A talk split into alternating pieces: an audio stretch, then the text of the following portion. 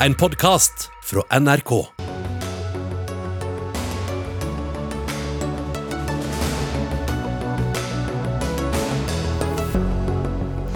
Rosebladene er falt av. Ti år etter kommer tornene klarere fram. I 2011 ville Raymond Johansen ta det politiske oppgjøret, Jens Stoltenberg holdt igjen. Kan det være en av grunnene til at AUF-ere følte seg knebla etterpå? Vi kan ikke la hatet stå uimotsagt, sa Erna Solberg i dag.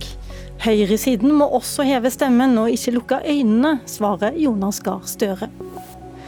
Utøya-overlevende blir fortsatt hetsa og trakassert, men vil fortsette med politikk for å hedre de drepte. Og eh, kunsten har spilt en viktig rolle i tiden etter 22.07, men eh, hvordan finner man de rette ordene i en tid hvor nesten alle ord er brukt opp? Ja, velkommen til kveldens eh, Dagsnytt 18, hvor vi markerer at det er ti år siden terrorangrepet 22.07. Og vi skal minnes det som skjedde, og vi skal snakke om hva vi har lært, og hva vi kanskje ikke har lært. Mitt navn er Lilla Sølhusvik, og akkurat nå klokken 18.01 for eh, ti år siden, så var det norske regjeringskvartalet bomba i Oslo. Skyting pågikk på Utøya, beredskapstroppen var på vei, men sleit med å finne fram. Og I statsministerboligen satt du eh, i et sikkert rom, Jens Stoltenberg, og skribla ned noen ord på en lapp. Og de ordene, det var åpenhet, demokrati, folkestyre, aldri naivitet. Hvordan fant du de ordene i det kaoset det må ha vært? Det var jo for det første en naturlig reaksjon på det som var angrepet. For vi eh, så jo at folkestyret vårt var angrepet. Det var et angrep mot uh, kjernen i det. Regjeringskvartalet, statsministerens kontor og mot ungdom på uh, sommerleir. Stort mer visste vi egentlig ikke. Uh, den kvelden visste jo uh, Vi visste jo etter hvert at det var en, en, etnisk norsk mann som var bak, men vi visste veldig lite om motivene. Men vi så jo hva målet var. Men du fikk jo inn ene meldingen etter det andre om folk du kjente veldig godt, som var drept. Ja, altså, og så snakker du om åpenhet og demokrati med en gang. Ja, fordi det er det som er angrepet. Jeg føler at det, Vi sa også ikke naivitet. Altså, mm. det, er, det, det, er, det, er, viktig å få forstå at det det ble formulert i en tid hvor vi fortsatt var veldig usikre på hva som hadde skjedd. Vi visste jo at mennesker var drept, men vi visste veldig lite om motivene. Eh, men vi forsto jo at når regjeringsbygget, eh, statsministerens var angrepet, og masse AUF-ere på politisk ungdomsleir var angrepet, så var dette et angrep på, på, demokratiet vårt, på statsinstitusjonene og på noe av det fineste var demokratiet, engasjert, aktiv eh, eh ungdom. Uh, og så skjedde jo det i dagene utover. og at eh, Når norske folk gikk ut i gatene spontant, det var liksom deres reaksjon. Og jeg er mektig imponert en dag i dag over måten Norge reagerte på. For de eh, sa det samme, og de sto ring om demokratiet. Og de ville ta avstand fra vold, ekstremisme, eh, det eh, hatet. Og det skal vi fortsatt være stolte av, den måten Norge reagerte på. Du har vært med på minnemarkeringer du nå i ti år. Har det vært spesielt i dag? Ja, det har det. Det er spesielt hvert år, men uh, i dag har vært uh, ekstra spesielt og, og jeg synes ekstra fint. Dels fordi det er ti år og det er viktig å markere. Huske de 77 som ble drept, alle som er skadd, de tusener som fortsatt bærer på savn og sorg knyttet til 22.07. Men også fordi at det, årets tiårsmarkering har blitt brukt som en plattform, ikke minst AUF, som har gjort en fantastisk jobb med å få fram det politiske budskapet mye tydeligere enn det har vært framme i det siste at dette var et politisk angrep. Eh, det var et angrep mot AUF og Arbeiderpartiet. Eh, og eh, det var målrettet mot, mot sosialdemokratiet. Mm. Derfor var det også et angrep på, på hele demokratiet vårt. Men, men, det politiske budskapet har kommet noe i skyggen, og det har kommet fram nå. det AUF fortjener veldig takk for det. Mm. Raymond Johansen, du er byrådsleder i Oslo i dag, men i 2011 så var du partisekretær du i eh, Arbeiderpartiet, og omtrent på denne tida så var vel du på vei til Sundvolden utenfor Utøya? Ja, det var jeg. Eh, fikk eh, melding bl.a. fra Eskil om at det var skyting, og satt meg da i bilen sammen med min rådgiver og ringte rundt. og på det tidspunkt så trodde vi jo det var utenlandske terrorister. Eh, som var der. Så vi visste veldig lite, og jeg kom til, etter hvert til, til, til Sundvolden, og de minnene sitter der veldig sterkt. Hvor små barn, for det var jo det de er, kom fra, ut av bussene, inntulla i tepper, og hadde opp, opplevd ting som vi aldri kunne forestille oss. Massakrer de hadde sett. De mange lå der og, og skreik. og uh, Derfor syns jeg det har vært så fantastisk denne dagen her i dag å uh, gjøre det vi skal gjøre, nemlig å minne de som blei skada, og de som fikk tryggheten sin stjålet, og alle de som døde. Så uh, det har vært en sterk dag, og det er sterke minner som kommer fram for det som skjedde for ti år siden. Mm. De siste dagene eller siste uka så har du skrevet en kronikk bl.a. i Aftenposten der du skriver at de håpefulle ordene om samhold, kjærlighet og forsoning fra tiden etter terrorangrepet er ikke blitt virkelighet. Som samfunn har vi forsømt oss, skrev du. Det er ganske tøffe ord. Hva burde mm. vært gjort? Uh, det er i hvert fall gjort uh, veldig mye nå, som også Jens Stoltenberg er inne på. Det har vært en veldig annerledes eh, markering nå. Det har kommet ut uh, mange bøker uh, som har vært viktige fra både vitner og andre som nå går inn i de bakenliggende årsakene. og det tror jeg har vært veldig viktig. Så jeg vet ikke egentlig om Jeg har snakka mye om i dag om ti år er kort eller lang tid. Eh, det har i hvert fall tatt ti år å gjøre det. Kanskje det var de ti årene man har eh, trengt. Men eh, det vi i hvert fall alle må være enige om, er at AUF ikke skal fortsette å stå alene i denne kampen. Og det tror jeg ikke minst denne dagen her har vært tydelig på. Så var situasjonen helt annerledes. Ja, unnskyld. unnskyld. Mm. Nei, Du skriver også at kjærligheten som vi skulle skape sammen, har ikke vært sterk nok til å stå imot hat. Hva mener du med det? Den har jo ikke det. Vi ser Det kan hende rett etter 22.07. så tror jeg at jeg var naiv. I den forstand at jeg trodde ting skulle bli bedre i den forstand at hatefulle, den hatefulle retorikken, mistenksomheten, rasismen, alt det ville få mindre fremtredende rolle. Og det vi har sett, er jo at det har økt og styrket seg i omfang. Så husker jeg også i det øyeblikket man da ikke lenger kunne undertegne anonymt, men med fullt navn og nummer, så trodde jeg det at ja, nå vil vi få en mer anstendig debatt. Det har ikke skjedd. Snarere tvert imot. Den har blitt hard. Konspirasjonsteoriene florerer. Og det er hjerteskjærende å høre om vitner av overlevende på Utøya, og det ene da blir utsatt for hets og trusler. Og det eneste de har gjort, er å overleve den mest grusomme handlingen som har vært i Norge etter annen verdenskrig. Jeg er redd for at vi skal snakke med noen av dem senere i denne sendingen.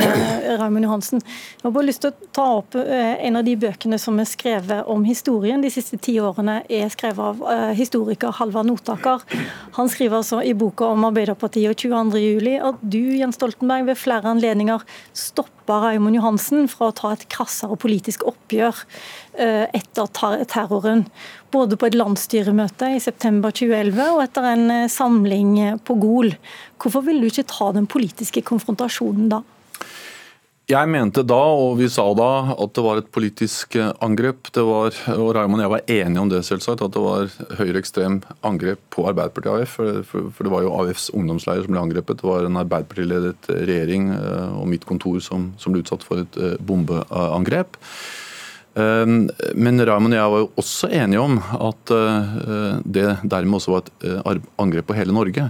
Det er ikke slik at du kan angripe AUF, angripe en regjering ledet av Arbeiderpartiet, og så mene at det er en isolert del av Norge du angriper. Du angriper oss alle. Eh, og så var vi også enige om at det var viktig å samle nasjonen. Så så vi en veldig, jeg vil si, en fantastisk reaksjon i det norske folk. At de gikk ut i gatene og eh, viste omsorg og sto opp mot uh, volden. Okay, men rent konkret så ville altså Raymond Johansen skrive en landsstyretale der han bl.a. tok om opp begrepet snikislamisering, eh, om ord som kan føre til handlinger, en skarpere brodd, som også kunne leses mot Frp.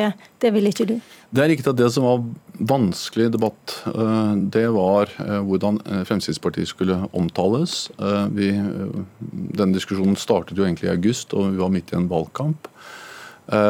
Og jeg var redd for at det kunne gjøre en viktig debatt til, en, til noe som kunne gjøre det enda vanskelig å diskutere de temaene, fordi det ble eh, direkte blandet inn i den valgkampen.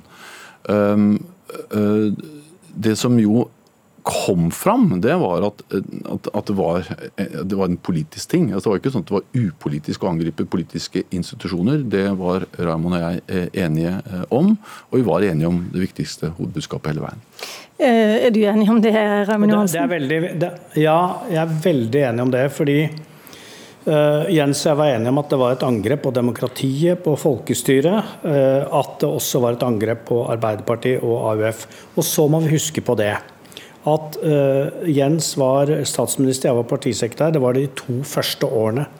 Og det var også de to første årene som var preget av sorg, sjokk og også en lang og omfattende debatt om beredskap. Det var også lang tid hvor han hadde debatt om gjerningsmann var tilregnelig eller ikke. Men, eh, og vi hadde jo mange møter i uka. Det var en meget krevende situasjon for landet, for Arbeiderpartiet. Og Jens og jeg eh, vi diskuterte dette i grundighet hele tiden. Så det var ikke en, en stor uenighet eh, mellom oss om det. Det er litt, noen ganger litt takt og tone. Sånne ting som det alltid vil være i, eh, i, politiske partier. Vi hadde ulike oppgaver. Han var landets statsminister. Det var viktig å holde nasjonen samlet. Vi vet jo ikke hva, hvis vi på et tidlig tidspunkt hadde ført en politikk som hadde virket splittende, om hvilke skader vi da ville også kunne få. Så jeg opplever at eh, særlig i den siste tiden så har det kommet ut mange ting som har vært viktig for oss på de bakenliggende årsakene. Og det har tatt tid, og jeg tror kanskje at det måtte ta så lang tid hvis vi skal se det i ettertid. Men kan dette, Nå spør jeg dere egentlig begge to, men spør deg først, Raymond Johansen. Kan dette ha noe sammenheng med at AUF-ere i dag sier at de følte seg knebla der i starten? At dette politiske oppgjøret faktisk ikke skulle tas? Det er veldig veldig vanskelig å, å, å, svare på. Jeg tror først og fremst at man hadde først Husk på det, jeg ledet et partikontor hvor veldig mange av de som var der, eh, hadde eh, folk som hadde dødd. Først så var det bunnløs sorg, bunnløs fortvilelse. Og så var det jo mer og mer et sinne man hadde behov for, rimeligvis, å plassere det eh, sinnet også. Og hvis man i ettertid kanskje kan se, så hadde det vært i enda større grad på sikt å kunne politisere det. Men det var som sagt bare de to første årene av de ti siste årene uh, som uh, vi da hadde ansvar for. Men, Men jeg det, opplever mm. at Arbeiderpartiet sto samlet. Mm. Nå, nå, er det bare de to første årene vi snakker om her, egentlig. Hva tenker du om dette, Jens Stoltenberg? Eh, tenker du etterpå at det var riktig å holde på at hele nasjonen skulle være med, også de mest innvandringskritiske og mest Arbeiderpartikritiske stemmene, framfor å ta en konfrontasjon? Altså jeg tenker at det aldri kan bli for mye omsorg. At det som kom til uttrykk i Rostorgene var utrolig verdifullt. Og jeg tenker at det aldri kan være for mye kjærlighet. Og den folkelige mobiliseringen det var, det var bra. Eh, men samtidig må vi kunne ta tøffe debatter. Og Arbeiderpartiet sto da oppe noen ganske vanskelige avveininger. For vi var ansvarlig regjeringsparti. Men vi var også direkte offer for drapene, terroren. da Det rammet våre. Eh, og Det legger ikke skjul på at det var noen ganger vanskelige avveininger hvordan du skulle forene de, eh, de eh, rollene. Og så skjedde jo det at etter at vi er ferdig med det første sjokket, det første omsorgen og trøsten som måtte gjøres der i bisettelser og de dagene der, så kom det jo en annen veldig viktig debatt, og det var debatten om beredskap. Eh, og Det var ikke noe enkel debatt, det var en viktig debatt. og Den dominerte på en måte den politiske debatten om 22.07 egentlig ut den stortingsperioden. For vi hadde Gjørv-kommisjonen og vi hadde Stortingets behandling og innstilling våren 2013. Og oppi alt det så er det som eh, Raymond sier, en diskusjon om mannen er tilregnelig eller ikke, som også selvfølgelig ville påvirke en diskusjon om hvorvidt dette er en politisk eller ikke eh, politisk eh, men, men hva sier du nå, Jens Stoltenberg? Sier du at hadde du vært statsminister igjen og opplevd denne forferdelige tragedien, eh, terroren, så hadde du gjort det samme på nytt? Jeg har i hvert fall vært stolt og glad for at norske folk, og jeg var med på det, ga uttrykk for den omsorgen, den kjærligheten som vi gjorde. Det vet jeg var viktig for mange nordmenn å gå i gatene og ta avstand fra vold og terror. Og jeg vet at mange av de som ble rammet, som mistet sine, eh, opplevde det som, uh, og, nei, som omsorg og støtte og trøst. Men kan jeg spørre deg, Raymond Johansen, Trodde du at det var mulig å kombinere samhold for hele nasjonen med å ta dette oppgjøret mot en gruppe som, som var sterkt imot dere, og som gikk hardt ut i innvandringsdebatten? Jeg tror kanskje ordet oppgjør uh, mer villeder enn forklarer. Uh, mitt ønske uh, var og er å gå tilbake og få det åpenbare. At krigsretorikk, at holdninger at, at en handling har startet med en holdning, og at man må ha et ansvar for hvordan man uttrykker seg, og hvordan dette blir oppfatta. Eh, og Der var jo ordet som er veldig krevende, bl.a. rundt snikislamisering, som en del kan se på uh, som en slags krigsretorikk. At noen forsøker å innføre en annen uh, statsform, religionsform, inn i landet uten på en måte at de politiske partiene er med på det.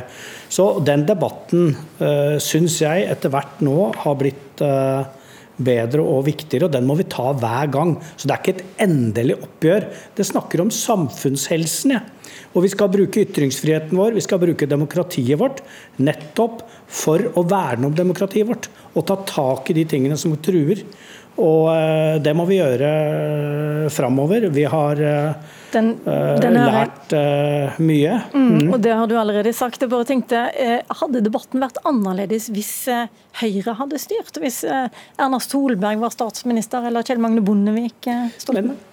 Ja, du kan svare det. Det jeg vil si er at ja, litt, det, er jo, det, er jo, litt sånn at uh, det er jo Arbeiderpartiet og AUF hele tiden som har markert som har vært opptatt av dette. Det har ikke nå i forbindelse med tiårsmarkeringen vært store markeringer på de ulike partienes landsmøter. Hadde du forventa det? Som jo kanskje ville vært noe Ja, egentlig. For hvis det til syvende og sist handler om å slå ring rundt uh, demokratiet og det vakreste vi eier, nemlig folkestyret, så ville det vært naturlig for alle partier å, å si noe om det.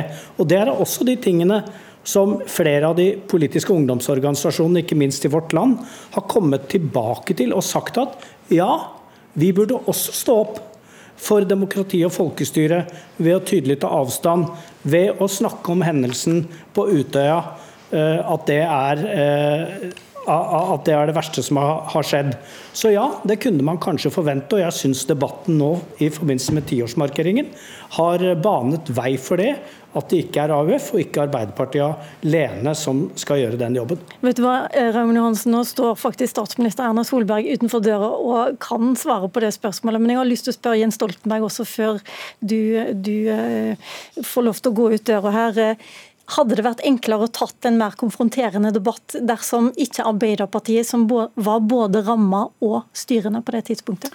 Altså først blir det helt uh, ren spekulasjon, og det tror jeg dette er for alvorlig til å bare spekulere. For annet så har jo mesteparten av disse ti årene har jo vi hatt en høyreledet regjering.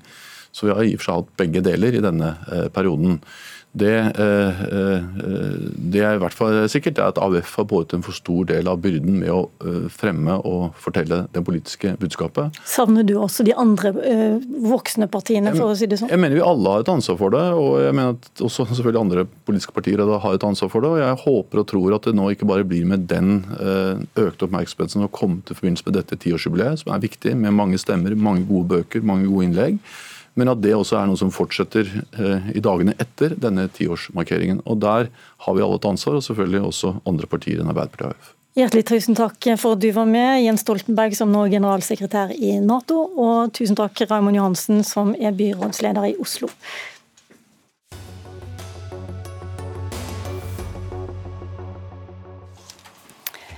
Ja, Norges evne til å håndtere terror er sterkere enn noensinne, men den viktigste beredskapen må vi bygge i hver enkelt av oss.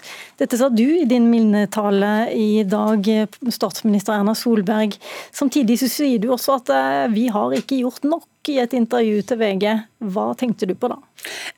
Det er jo åpenbart at vi ikke har gjort nok når vi ser at um, antallet høyre, unnskyld, høyreekstreme har økt i Norge. Samtidig tror jeg vi må si vi har gjort mye. Vi har jobbet mye. Og det vi egentlig må lete etter, er de gode virkemidlene for å nå frem til og nå inn til eh, mange av de som rekrutterer seg høyreekstremt tankegods i vårt samfunn, eh, med våre, våre syn på at vold er helt uakseptabelt som politisk virkemiddel. At eh, vi må bruke de demokratiske virkemidlene for å skape det samfunnet vi trenger. Mm. Men eh, du sa vel også at, eh, at, eh, man må stå opp mer imot hatefulle ytringer og rasisme. Du oppfordrer befolkningen til det? Ja, det gjør jeg. Og jeg mener det er viktig. Jeg mener det er viktig det skrittet som skjedde i fjor, når vi da fikk inn i, i planene for, for skolen at man skal undervise om 22. juli. Det kommer til å være vanskelig. Det er mange lærere som vegrer seg, eller som er usikre i hvordan man skal håndtere dette. Eh, det er dette bolverket vi kan skape gjennom utdanningssystemet vårt. Det er bolverket vi kan skape gjennom den allmenne diskusjonen. Alt det er, er viktige ting. Men det er også viktig at idretten sier fra mot rasisme, sånn som vi har sett mye sterkere eh, det siste året. At vi sier fra mot eh, rasistiske ytringer, ekstreme ytringer når vi ser det på nettet når det utfordres, og at vi sier veldig bombastisk nei og tydelig fra når vi ser at unge stemmer blir hetset. Unge eller gamle stemmer blir hetset på nettet eh, når de ytrer eh, politiske meninger. Og da lurer jo jeg på, kunne du sjøl ha sagt litt sterkere uttrykk enn at jeg ville ikke akkurat brukt de ordene i enkelte anledninger de siste årene? Da tenker jeg at det er på tide at jeg ser fra om også at jeg har sagt det to ganger. Den ene gangen var i en debatt hvor Sylvi Listhaug omtalte eh, de som kritiserte båtflyktningspolitikken til regjeringen som et hylekor. Da sa jeg at jeg ikke ville brukt det på andre. Men jeg er misbrukt ganske mye, også de siste ukene, på ting jeg ikke har sagt. Jeg sa det f.eks. ikke da Sylvi Listhaug skrev den kommentaren hun skrev på, på Facebook. Da sa jeg ikke dette, selv om veldig mange har tillagt meg at jeg har sagt det. Eh, så det er klart, det er helt sikkert tilfeller hvor man kunne klarere sagt ifra. Tilfeller hvor jeg kunne ha brukt muligheten min også på min egen Facebook-side til å si tydeligere ifra. Jeg tror vi alle har. Noen ganger så utestenger du bare folk istedenfor å argumentere med dem uh, i den typen ting. Men jeg vil nok kanskje si at uh, akkurat det sitatet du brukte nå, det er misbrukt til det uendelige for tiden. Ok, da fikk du sagt det. Jonas Gahr Støre, Arbeiderparti-leder. Du har også sagt i dag at uh, nå må man ta et oppgjør med høyreekstremisme. og høyresida må ikke lenger eh, Ja, de, de, må ikke være blinde for dette lenger, og de må ta og heve stemmen. Hva mente du, hva tenkte du på da? Når vi sitter i studio nå, så ser jeg ut på en nettside hvor det står 'etterforsker over hele landet'. Det er altså en nyhet om at politiet nå har tatt beslag i våpen. De etterforsker nettverk de mener er høyreekstreme. Vi leser PSTs siste rapport, eh, oppdatert eh, denne uka, hvor de understreker at høyreekstrem terror er en reell fare i Norge. Jeg tror vi må ta inn over oss at dette er kraftig språk av veldig nøkterne folk, basert på kunnskap. Hvordan når vi da inn eh, Erna Solberg snakker om gode virkemidler for å nå inn til folk, og det er jeg enig i, det er det vi må lete etter. Og En av de virkemidlene er stemmer fra politikere med ansvar. Og Det jeg har sagt i dag er vi på den demokratiske venstresiden hadde på utsiden av oss en voldelig Eh, året på 70-tallet. Baader-Meinhof, Røde brigader. Det var også folk i Norge som hadde voldsromantisme i politikken på venstresiden. Tok oppgjør med det. Tok også oppgjør med, med autoritære kommunisme etter andre verdenskrigen. Eh, hvor demokratiske bevegelser må stå oppe. Nå kommer dette i det høyreekstreme rom. Alle parlamentariske partier i Norge tar avstand fra dem. Men jeg ønsker at de stemmene blir tydeligere også fra høyresiden. Fordi det er folk på den siden som ikke nødvendigvis hører på meg når jeg sier dette, fordi at de eh, er uenige med meg av mange andre årsaker. Og da ønsker jeg, jeg syns Erna Solberg sier det godt nå, men flere enn henne, eh, politiske ledere i politiske partier på det vi kan kalle norsk sentrum-høyreside, bør si tydeligere fra. Er du enig i dette, Solberg? At det er et enda større behov på høyresiden, og at noen flere sier fra? Men jeg sa også, bare si det, jeg sa også religiøse ledere. De kan nå inn i baklandene sine, hvor det kan være fare for ekstremistisk terror, islamistisk terror, annen terror. Så det, det, ansvaret gjelder alle, og jeg har lyst til å se mer av det. Um, jeg nekter å bli slått i hardcore mm. med folk som ønsker å bruke vold, ekstremisme. Jeg representerer et parti som har eksistert i Norge basert på demokratiske prinsipper alltid. Som har stått opp for enkeltindividets rettigheter, stått opp for toleranse, stått opp for at du skal få lov å være den du er, elske hvem du vil være. Det har vært grunnholdningen hos oss alltid. Og vi har alltid stått opp mot ekstremistiske bevegelser, mot diktatur, mot voldelige tendenser. Bare for å understreke det. Og så er ikke jeg sikker på om det jeg representerer uh, har stor innvirkning på den ytre høyresiden. For i den ytre høyresiden er så jeg en skurk. Også vi som er for et EU-medlemskap, er en skurk. Vi som er for at vi skal ha regulert, men innvandring til Norge. Vi som er for at vi skal inkludere folk på lik linje. Sånn at eh, jeg føler nok at man må være litt mer presis på hva man vil med en sånn påstand. For jeg føler at det er veldig feil eh, å stille oss i Hartkong med at vi har et særlig spesielt ansvar for å slå ned på å snakke om høyreekstremistene som om det var en del av vårt ansvarsområde. De står for alle de verdier Høyre aldri har stått for. Men jeg har ikke slått deg i kon med det, Erna Solberg. Jeg har sagt det veldig tydelig. Jeg har aldri sagt at noen andre har ansvaret for ugjerningen 22.07 enn han som er dømt og sitter fengslet. Nå diskuterer vi åpent hvordan når vi inn i de miljøene. Mm. Uh, og jeg har sagt at jeg, Du har sagt mange kloke ting om det de siste dagene, men, men jeg tror at vi må da tenke gjennom hvem er det som blir lyttet til. Og Det som jo er det farlige, og som PST også sier, er at det, det, er ikke nødvendigvis ideologier, men det er tankesett. Og det er når ekstreme ord blir normalisert. Og Da mener jeg at når vi har politikere i Norge, og det kan være stortingspolitikere som snakker om at vi skal ha et korstog mot islam, vi skal ha en kulturrevolusjon, vi hører sånne ord en del ganger, og snikislamisering, så må vi ikke komme dit at vi trekker på skuldrene. Men altså, unnskyld meg, nå har, man, nå har jo AUF-ene sagt i de siste ukene at de ikke følte at det var rom i, i ditt parti til Nei. å ta den debatten. Og også uh, Jens Stoltenberg stoppa den debatten. Jo, men, er ikke men, det da litt drøyt å, ta den kritikken vi, mot høyresida? Nå er vi i 2021. Vi har hatt denne diskusjonen gående lenge. Jeg skrev en bok i 2014 hvor jeg etterlyste at vi må, vi må prøve å gå inn i hvor kommer de tankesettene fra. Så Poenget mitt er at for å trenge inn, da, som statsministeren mm. sier, til disse høyreekstreme miljøene, så må alle ta ansvar. Og Det som er oppløftende, er jo at AUF inviterte de politiske ungdomsorganisasjonene til å være med på dette så sa jo alle sammen ja. Eh, og de har vært med på Utøya, de har gått inn i mm. dette. Eh, jeg tror eh, Unge Høyre hørte jeg i dag har invitert folk fra UF inn til å fortelle om hva det er som har skjedd. Det er en lovende start for de unge. Men, men mitt poeng er at vi, kan, vi, kan, legge vekt på PST og politi og sikkerhetsmyndigheter, men dette handler om holdninger vi har, ord vi bruker og ansvar vi tar som politikere. Og Ingen slår noen i hardtkorn med dette, men vi må være søkende etter hvordan vi når fram til folk. Okay. Kan jeg bare få spørre deg, Erna Solberg. Nå eh, om halvannen time så skal du være vertinne for et kjempestort arrangement til minne om, eh, om 22.07. og alle ofrene der. Har det vært vanskelig for deg som statsminister for, og Høyre-leder å eh, delta på disse minnemarkeringene opp gjennom alle disse årene? Eh, Rett og slett fordi at er, de som er mest ramma, er opposisjonspartiet? Nei, det har det ikke vært. Og jeg har oppfattet, meg, oppfattet, at jeg har vært velkommen.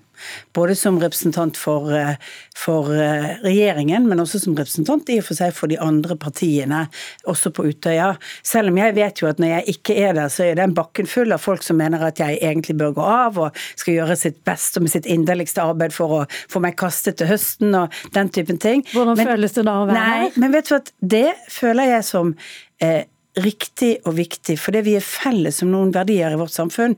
Vi er politisk uenige om saker, men vi er felles om noen verdier som ble truet 22.07.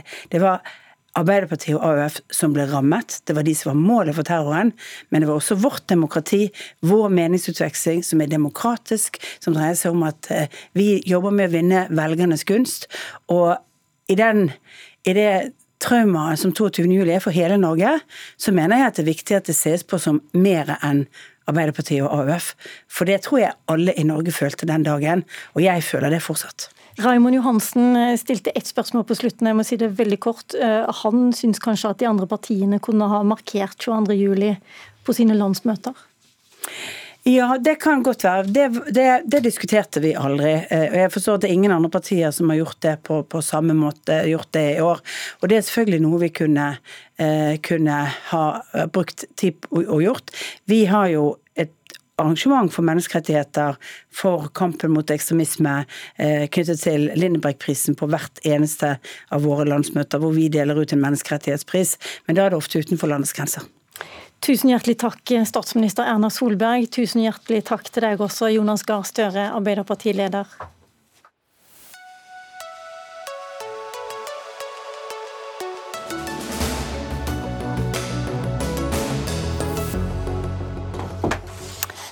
Nå er klokken nesten halv sju. Omtrent på dette tidspunktet ringte terroristen til politiet for å overgi seg. Ti minutter senere ble han pågrepet. Da hadde ungdommen kjempa for livet i 72 minutter, og 69 ungdommer mista livet. Men heldigvis var det også mange som klarte å berge livet, og velkommen Jannike Arnesen og Håkon Knutsen, begge overlevende etter massakren på Utøya. Jannicke Arnesen, du sitter i dag i bystyret i Kristiansand, og du har venner som var på Utøya, men som valgte å gi opp politikken. Hvorfor velger du å fortsette? Jeg opplever at det å drive med politikk eh, gir eh, mening. Jeg føler jo at den opplevelsen 22.07 eh, ble på en måte mitt lodd i livet, og det å holde på med politikk ble en måte å bøte på, på alle de som ble drept, rett og slett. Men å ta på deg Arbeiderparti-genseren når du skal ut på byen, det gjør du ikke? Nei, det er jo fordi at jeg har opplevd en ganske massiv eh, hets, vil jeg si, i sosiale medier eh, for mitt eh, politiske virke. Jeg blir redd og engstelig av det. Selv om jeg var i en debatt med politidirektøren her forleden, som sa at de aller fleste av de som hetser på nettet, er ganske stusslige menn, så, så sier jo historien at det, det trengs bare én mann for å for å drepe så mange. Hva er det de hetser deg for, og hvem er dette her? Godt spørsmål. Eh, det er både for mitt politiske virke fordi at de mener jeg bare holder på med politikk for å mele megakake, at jeg er korrupt, og at jeg eh, ja, jeg holder på med det fordi at det gagner gavner meg, spesielt økonomisk da. Du har også blitt hetsa fordi du overlevde etter Utøya. Det er en hets som er veldig vanskelig for oss andre å forstå. Ja, den henger jo veldig mye sammen med hetsen som Eskil Pedersen opplevde fordi at han rømte med MS Torbjørn. Jeg lå jo også på magen og, og skalv eh, når vi flykta eh, med MS Torbjørn. Eh, og Eskil var leder av AUF sentralt, jeg var leder av AUF i Kristiansand og opplevde den hetsen på samme måte. Men jeg opplever jo også at når jeg kritiserer demokratene f.eks. og deres menneskesyn, så blir jeg møtt med at det er en, en massiv sperreballong for de ekte ofrene. Ja, Nå er ikke Demokratene her for så vidt, men uh, vi har med deg Håkon Knutsen. Du jobber i dag som rådgiver i Wergeland Apenes. Du klarte å svømme vekk fra Utøya. Hva skjedde den gangen? Nei, det var uh, den, uh, regntunge fredagen hvor vi alle var samla inne i skolestua. Og jeg, i likhet med veldig mange andre AF-ere, var, var der for å egentlig følge nyhetssendingene fra Oslo. Hvor, når, når det da begynner å skyte. Um, hvor jeg da, i likhet med veldig, veldig mange andre i skolestua, uh, egentlig ikke forstår hva som foregår. Men vi ser at det er noen som skyter, vi ser at det er mennesker som blir drept. Men hvor vi da egentlig uten plan, mål eller mening bare løper for, for å komme oss unna. Vi løper jo som vi pleier å si, vi løper jo aldri mot noe eller til noe. Det var litt planmessighet eh, akkurat der og da. Da handla det om å overleve. Og da var det egentlig ganske bingo hvem som havnet hvor, og eh, hvor folk til slutt endte opp hen. Ja, du overlevde ved å svømme? Ja, etter mye om og men og havnet jeg ned ved pumpehuset som, sammen med veldig mange andre ved vannkanten. Og gjemte oss der ganske lenge før da eh, terroristen kom ned til vårt område. Og da har jeg et, da har jeg et lite to-tre to, minutter der som jeg har, eh, ikke husker noe. Eh, hvor jeg da har lagt på svøm. og Neste jeg husker, er at jeg er ute, midt ute på havet. Og da vet jeg jo at veldig mange ble skutt og drept eh, av terroristen akkurat i de minuttene. Du fortsatte også med politikk eh, i en del år etterpå, ikke lenger nå. Men, eh, men, eh, hva gjorde at du fortsatte, og hva gjorde at du slutta? Fordi, altså Jeg fortsatte fordi politikk ble plutselig Det gikk fra å være noe som jeg drev med som en hobby, noe som jeg syntes var hyggelig å gjøre eh, på fritiden og være med venner, til at det ble, det ble på en måte dødsviktig på alle mulige måter. Og det ble, det ble noe mer. Eh, og det, det var et annet, Jeg jeg kjente veldig på den. Jeg leste om så mange av de som døde den dagen, om hva de hadde fått til. De var 19, 20, 21 år gamle, og de hadde de hadde gjort så utrolig mye på så kort tid og fått til så mye. Så, og jeg kjente egentlig rett og slett på en følelse av at hva er det jeg har drevet med fram til jeg fylte 19 år? Eh, hva er det jeg, Hvis jeg hadde dødd i dag, hva er det som hadde stått igjen da? Hvem, hvordan, hvilke mennesker har jeg gjort liv, livet bedre til? Eh, og jeg kjente egentlig på den skyldfølelsen om at det var så mye, så mye fine folk som rett og slett eh, ble drept den dagen. at Nesten litt sånn ansvarsfølelse om at det skulle nesten bare mangle at jeg tok opp hansken og fortsatte med politikk etter 22.07. Det høres ut som om du også har samme ansvarsfølelse, Jannicke Arnesen, men du har også venner som, som ga opp? Ja, jeg opplever jo at eh, eh noen syns det ble for tøft. Eh, for hardt og for tungt å, å, holde på med. Og jeg tror for alle som holder på med politikk, så vet vi at det hadde vært mye lettere å la være. Og bare finne på noe annet med mening med livet. Men eh, ja, som Håkon sier, noen av oss opplever kanskje at ikke vi hadde noe valg. Håkon Knutsen, altså du skrev en kronikk du sammen med broren din som også var på Utøya, og dere skriver at vi må snakke sammen om det som er vanskelig. Hva er det som er vanskelig som man ikke har kunnet snakke om til nå? Altså, det som vi har kjent veldig på, eh, spesielt nå ved tiårsmarkeringen og sett tilbake på de siste ti årene, så er det jo en sånn, er det egentlig litt denne sånn paradoksale selvsensuren og forsiktigheten vi alle har egentlig påført hverandre. Hvor du har oss som overlevende som har kjent veldig på en sånn tildelt rolle hvor vi egentlig ikke skal snakke så mye om politikk. Vi skal helst fortelle om hva vi gjorde den dagen vi var der. Vi skal helst eh, på en måte gå i de beretningene, men så fort vi skal snakke om ideologien som ligger bak, politikken og liksom holdningene som lå bak, så har vi på en måte følt at det ikke har vært rom for å gjøre det. Samtidig som de som har stått på utsiden, som ikke har hatt en direkte tilknytning til 22.07, eh, har samtidig følt på en en selvsensur i form av at man ikke har visst hva man kan si. Hva er det man kan stille spørsmål om, hva er det vi kan prate om? For Man ville ikke tråkke AUF på tærne, man ville ikke tråkke Arbeiderpartiet på tærne. og Det har jeg snakka med mange gode venner jeg har i andre politiske partier som har kjent på at det er vanskelig. Og Da sitter vi her da, ti år etterpå med en sånn ja, litt sånn paradoksal forsiktighet og selvsensur og berøringsangst som egentlig vi alle har gått litt og båret på. Eh, og jeg tenker at eh, Det første vi kan gjøre, er å innse at vi alle ilagt oss selv eller andre den, den berøringsangsten. Så vi på en måte kan bli enige om det. Og så kan vi, synes jeg vi kan på en måte være litt rause med hverandre og forsøke å snakke mer om 22. og om det som lå bak. Eh, hvor, vi er, hvor vi tolker hverandre i beste mening og vi ønsker å få til en bedre og større samtale om 22. juli. Det syns jeg er litt viktig. Det er flere politikere som, i andre partier som har vært ute de siste dagene Jannicke Arnesen, og sagt at ja, unnskyld, men det har vært veldig vanskelig. De har ikke skjønt hvordan, de har ikke forstått og, og hvordan de skal ta den debatten, bl.a. fordi de er redd for å krenke dere. Og, kan du forstå det? Altså, Jeg er glad for alle som sier at de nå er interessert i å ha en ordentlig debatt. Eh, jeg opplever at altså som du sier, De har ikke tørt å prøve engang fordi at de har vært så redd for å krenke oss. Og jeg mener at det er ikke AUF eller vi som overlevde, som bærer eh, det ansvaret. Um, så jeg, jeg, hører hva de sier, og ser fram til at vi får en debatt, som Håkon sier nå. Hva sier du da, Knutsen? Er, er, det litt deres egen skyld? Tenker du også det, eller tenker du at eh, dere kanskje har vært for lite flinke til å slippe dem inn? det blir jo vanskelig å si noe på det, når alle på, en måte på hver sin side har sittet og følt på en sånn man kan ikke helt si det man ønsker å si. så Jeg tror, jeg tror ikke det er, jeg tror ikke det er en dårlig øvelse å rette pekefingre akkurat nå, men heller erkjenne at vi alle har eh, hatt litt trøbbel med å egentlig ikke fått snakke om 22. juli på den måten vi ønsker. Eh, og Jeg må si jeg, jeg syns jeg har lest masse gode tekster fra ledere av ungdomspartiene spesielt. Jeg syns de er langt tøffere enn moderpartiene, som faktisk tør å si for at dette er Eh, et vanskelig tema, men de ønsker, å, de ønsker, å, prøve å være med i samtalen. Eh, og Der er det jo en del av de voksne partilederne jeg etterlyser ganske mye mer.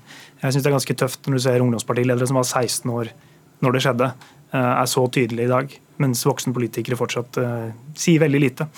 Og så Jeg heier på alle fra ungdomspartilederne og ikke minst også andre stortingspolitikere fra andre partier som i dag og tidligere har skrevet at de ønsker å delta i samtalen. og Jeg ønsker dem hjertelig velkommen, og jeg lover at vi skal få en god samtale. Tusen takk Håkon Knutsen, og tusen takk til deg også, Jannike Arnesen, begge Utøya-overlevere.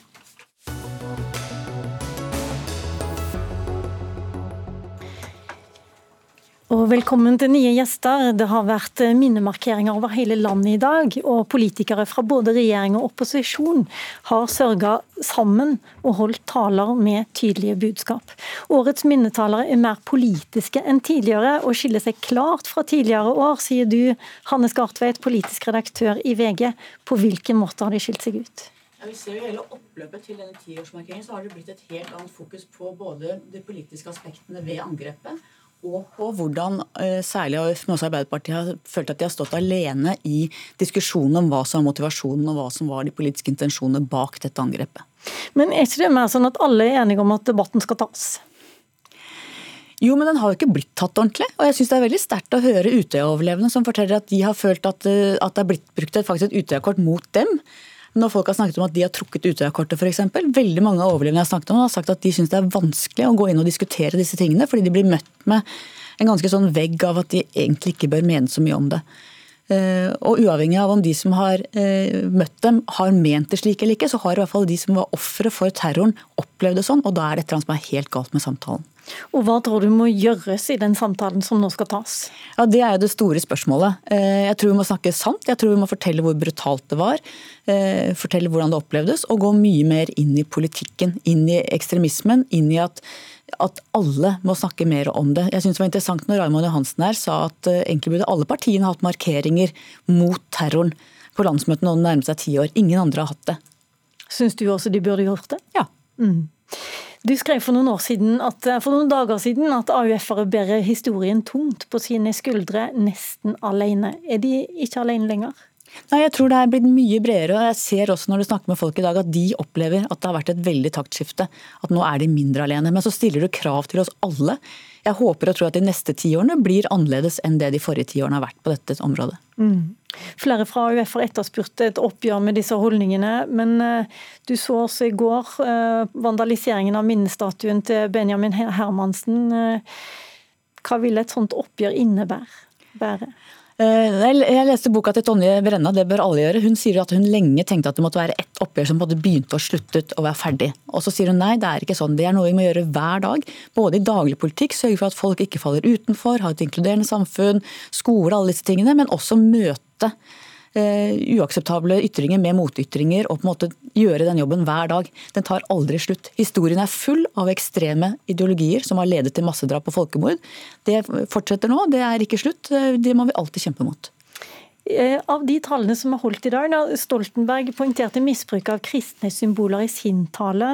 Jonas Gahr Støre poengterte også at han etterlyste religiøse ledere. Hvorfor sier de det nå? Uh, det er et godt spørsmål. Jeg tenker jo at det er viktigere at det brede politiske miljøet diskuterer. Eh, det er, dette var et brutalt ekstremistisk angrep. Eh, og selv om, eh, selv om Breivik jo brukte disse ordenene og snakket om kristne, så var det jo et, noe annet enn en religion som drev han. Først og fremst politikk. Claudia Lenz, du er professor ved MF vitenskapelig høgskole, forsker på forebygging av rasisme og antisemittisme. Du har hørt nå på disse to overlevende fra Utøya som forteller at de har blitt trua og opplevd hat i etterkant av angrepet. Hvem er det som hater så sterkt at de angriper folk som har overlevd et terrorangrep?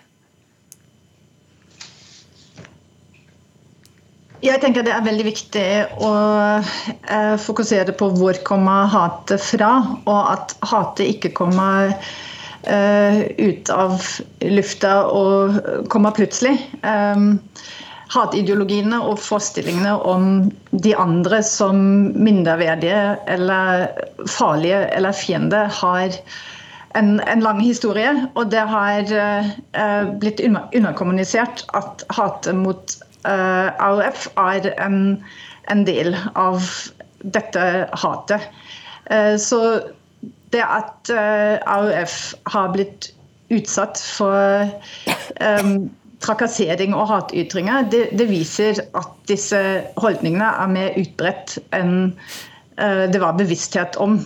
Men altså, det er mange politikere i dagens samfunn dessverre som opplever hets og trakassering. Alle partier opplever det. Er det noe spesielt med AUF og Arbeiderpartiet fortsatt? Det som ligger bak eh, det spesielle hatet eller de spesielle forestillingene som er rettet mot AUF, de, de er koblet mot eh, de er koblet til bredere forestillinger om f.eks. konspirasjonsteorier, eh, Arabia-teori, forestillinger om eh, at islam tar over i Europa, i Europa og Norge. Uh, og, og, disse sammenhengene var lite, for lite kjent. Og um, det er det som, som vi ser ble bearbeidet nå. Som forsker på forebygging av rasisme og antisemittisme, så er kanskje du i en særegen posisjon da, til å forklare oss litt mer eh, hvordan oppfylle alle de talene vi har hørt i dag. Hvordan skal man stå opp mot høyreekstremisme og rasisme? Jeg tenker det er, det er viktig å stå opp mot eh, avhumaniserende retorikk. Eh, mot fiendebilder og konspirasjonsteorier. Eh, og ikke feie under teppet hvor, hvor farlige de er. Og faktisk også bevisstgjøre at de har en, en, lang historie, at de er en del av vår kulturelle bagasje. Og at det er viktig å bearbeide de. De, er, de hører ikke bare til i ekstreme miljøer, men de må bearbeides eh, også i, i daglig samtale og i hele samfunn. Hanne Skartvedt, eh, etter dagen i dag, er du mer håpefull? Ja, jeg er i grunnen det. Så bra. Da avslutter vi der, tror jeg, denne seansen. Tusen takk til deg, eh, Hanne Skartvedt. Takk til deg også som var med nå.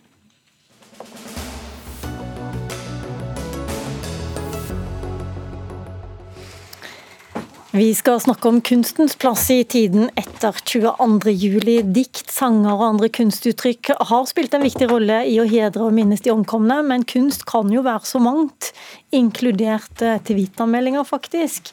En som utforsker nye måter å hedre de omkomne på, det er deg, Vegard Røsli i Vennesland. Du har laga Twitter-kontoen Aldri glemme, sammen med Torunn Kanutte Husvik og Marte Skarning Lund. Hvorfor vil dere legge ut de tøffe meldingene fra for ti år siden? Eh, vi ønsket å finne en kanskje litt annen måte å eh, gjøre det som er det viktigste vi gjør i dag, nemlig å aldri glemme. Det handler om å ikke glemme angrepet, hvor brutalt og forferdelig det var. Og ideologien bak. Eh, og, men aller, aller mest de 77 som ble drept for ti år Eh, og de, de, som er igjen og som savner dem. Eh, så da tenkte vi at eh, Twitter var et medium som ble ganske mye brukt også da, for ti år siden. Og er et sted hvor du finner ganske sånn rå og ærlig rå og ærlige tilbakemeldinger i sanntid fra for ti år siden. Ikke noe som er knadd eller noe sånt, bare ganske rått og ærlig. Eh, og det vi gjør, er jo rett og slett bare å tvitre det som skjer 22.07. Eh, eh, i det øyeblikk det skjedde for ti år siden. Er det mange som følger disse meldingene? Ja, nå har vi blitt noen og 20 000, som var flere enn jeg hadde trodd vi, vi skulle få. Jeg tror, men viktigere enn viktigere enn antallet i dette prosjektet har vært at budskapet kommer ordentlig fram.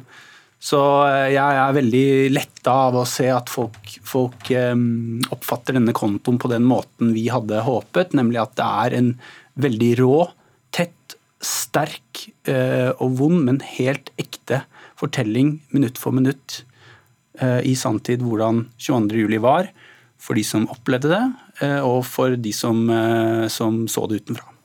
Akkurat nå er klokken 18.48. Vet du hva som ble skrevet på Twitter akkurat nå?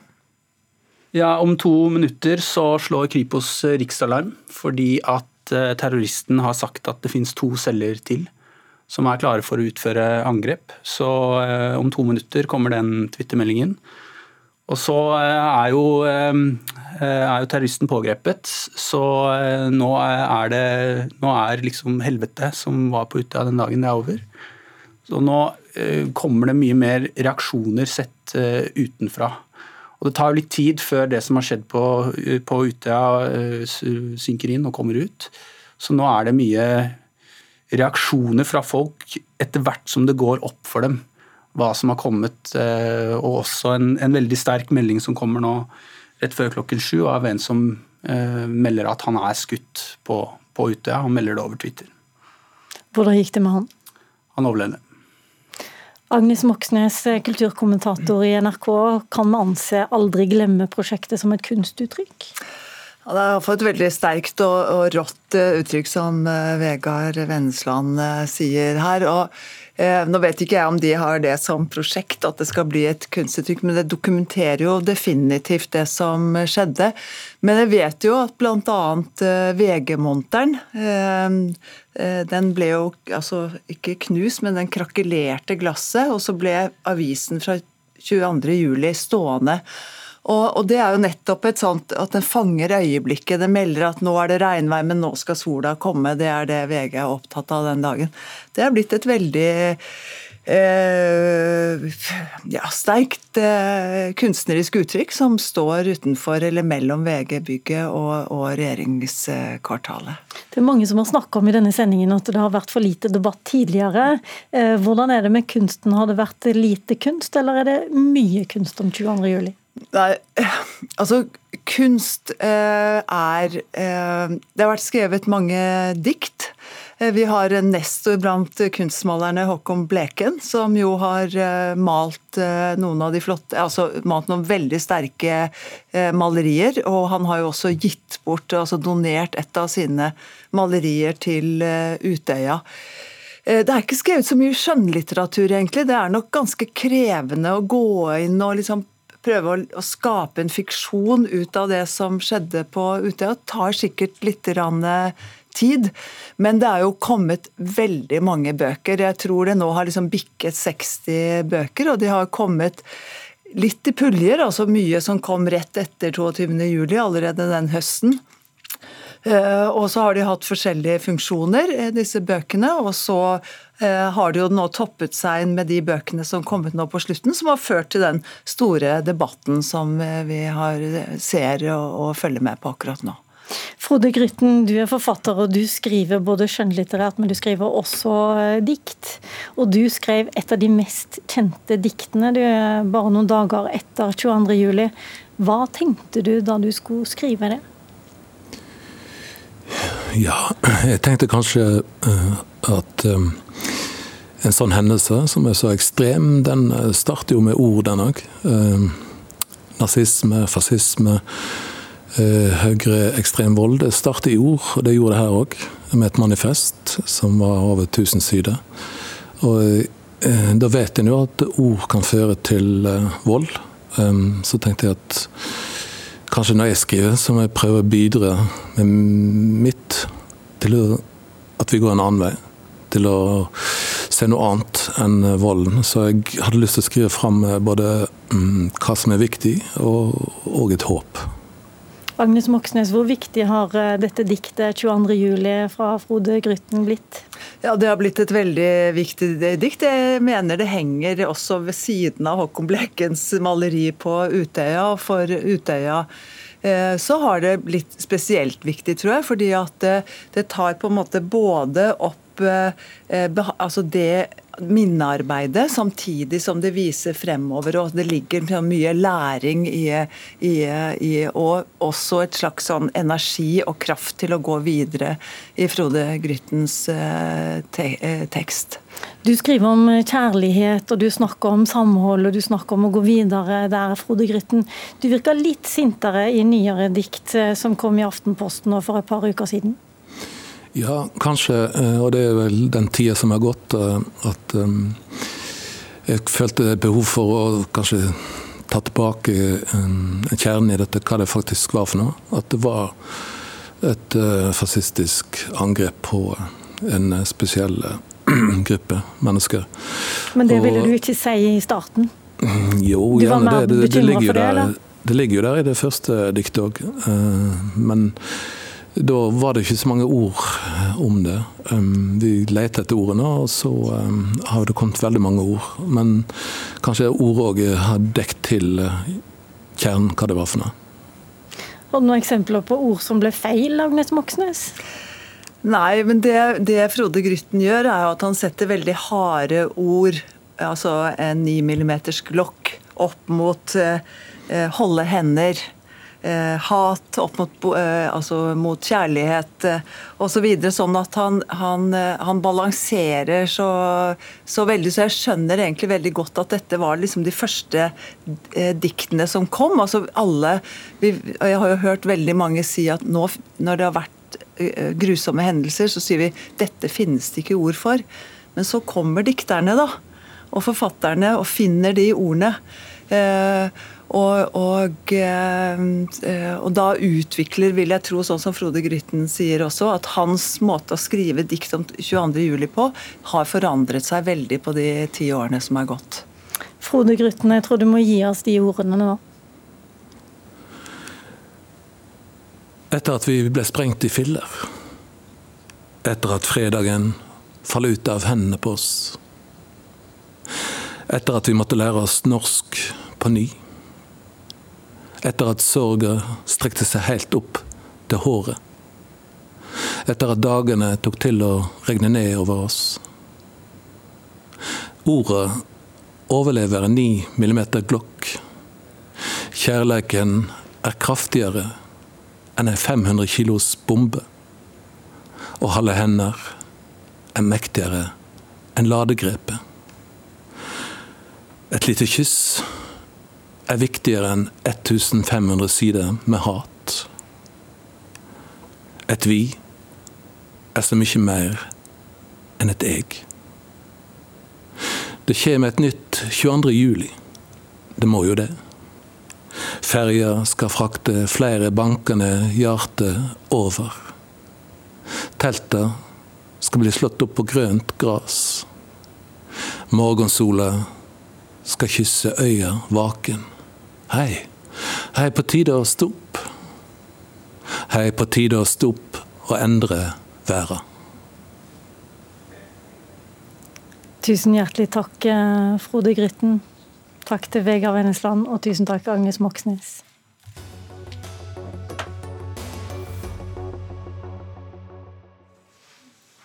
Ja, nå nærmer oss slutten i Dagsnytt 18, men i borggården ved rådhuset, der er du med oss igjen, byrådsleder Raymond Johansen. Fortell oss, hva er det som skal skje nå? Nå klokka sju så skal vi slå 77 slag av rådhusklokkene, etterfulgt av eh, Til ungdommen.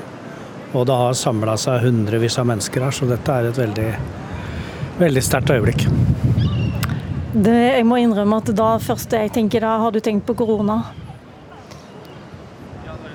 Ja, det vet jeg at de som serverer her har, og eh, folk holder god avstand. Man har eh, lært en del gjennom 15 måneder i hovedstaden, så nå er det veldig mange som er samla her, og det er inntrykk. Hvorfor vil du markere 22.07 på den måten? For det er veldig naturlig. Oslo var jo eh, Eh, stedet hvor bomba kom før man dro til Utøya. Og jeg syns dette er en veldig eh, verdig og fin måte. Samtidig som det er 77 slag, så oppfordrer vi alle trikker og busser og restauranter til å stå stille og minne, minnes og hedre de. Og eh, her vil mye deler av Oslo stå etter disse 77 slagene. Vet du noe om hvor mange som vil følge opp og være med på dette? Vi vet at uh, trikker og busser og T-bane, uh, slik jeg har forstått det innenfor Oslo, vil uh, stoppe opp og også oppfordre mange andre til å gjøre det. Men selvfølgelig, heldigvis så lever vi i et land hvor dette er frivillig. Men hvis vi skal se rundt i Borregaard nå, så er i hvert fall oppslutningen enorm. Du skal videre til Oslo Spektrum eh, senere i kveld og være med på en minnekonsert. Der er statsminister Erna Solberg vertinne, og du hørte kanskje at hun ikke avviste at eh, landsmøtene kunne ta opp 22. Eh, juli-markeringer senere? Det fikk jeg ikke med meg, men i så fall så var det veldig hyggelig. Og en fin oppfordring fra meg til de andre partiene, tror jeg. Så er det et av eh, mange viktige tiltak som kan forene i en tid og snu ryggen til ytterliggående krefter. Så det var gode signaler fra statsministeren. Tusen takk for at du var med, Raymond Johansen, byrådsleder i Oslo. Snart blir det altså helt stille i Oslo, og snart blir det også stille her i Dagsnytt 18 studio.